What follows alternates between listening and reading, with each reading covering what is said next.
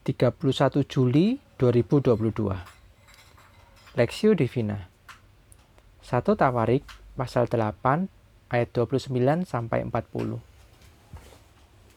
Tetapi di Gibeon diam bapa Gibeon yakni Yeyel dan nama istrinya ialah Maakah. Anak sulungnya ialah Abdon lalu Sur Kis Ba'a Ba'al, Nadab, Gedor, Ahyo, Zeker, dan Miklot yang memperanakan Simea. Juga mereka ini pergi diam berdekatan dengan saudara-saudara mereka di Yerusalem bersama-sama saudara mereka yang lain.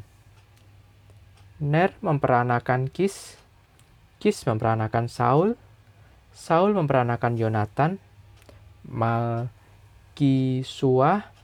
Abinadab, dan Asibaal. Anak Yonatan ialah Maribaal dan Maribaal memperanakan Mika. Anak Mika ialah Piton, Melek, Tarea, dan Ahas. Ahas memperanakan Yoada, Yoada memperanakan Alemet, Asmawet, dan Simri. Simri memperanakan Mosa, Mosa memperanakan Bina. Anak orang ini ialah Rafa dan orang dan anak orang ini ialah Ela, Elasa. Dan anak orang ini ialah Asel. Asel mempunyai enam orang anak dan inilah nama nama mereka. Asrikam, Bok Bokru, Ismail, Searya, Obaja, dan Hanan. Itulah sekaliannya anak-anak Asel. Anak-anak Esek, saudaranya ialah Ulam, anak sulungnya, lalu Yeus, anak yang kedua, dan Elifelet, anak yang ketiga. Anak-anak Ulam itu adalah orang-orang berani, pahlawan-pahlawan yang gagah perkasa, pemanah-pemanah, anak dan cucu mereka banyak, 150 orang. Mereka semuanya itu termasuk Bani Benyamin. Saul dan keluarganya, perspektif. Mereka semuanya itu termasuk Bani Benyamin. Satu Tawarik pasal 8 ayat 40b.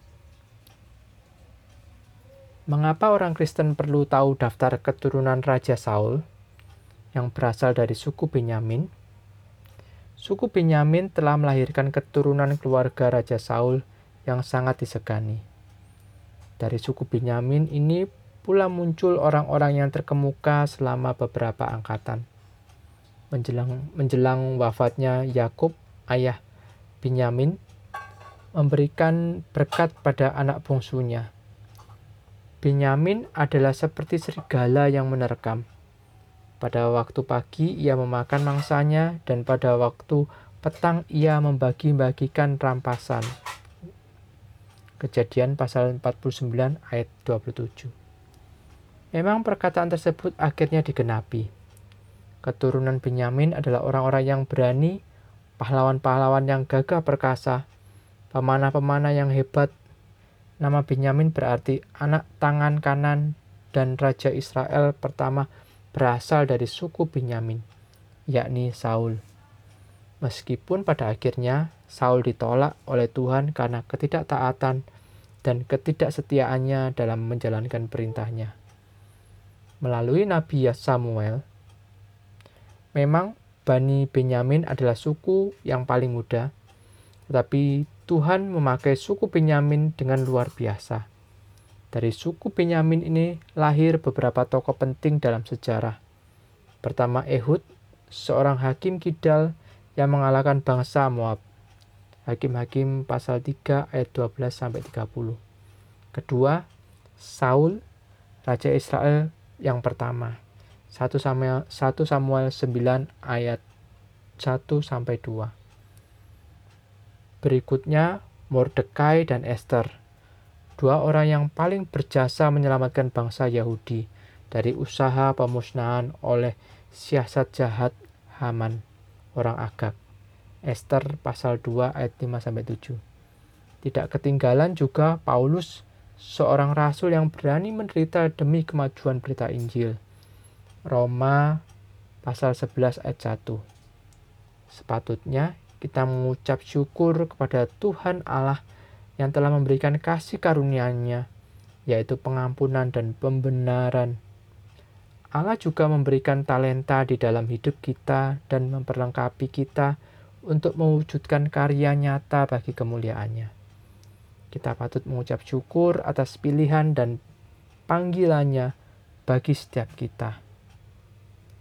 Studi pribadi, apa yang bisa kita pelajari sewaktu membaca silsilah keturunan Raja Saul ini? Apakah kelebihan suku Benyamin dibandingkan suku-suku lain di Israel?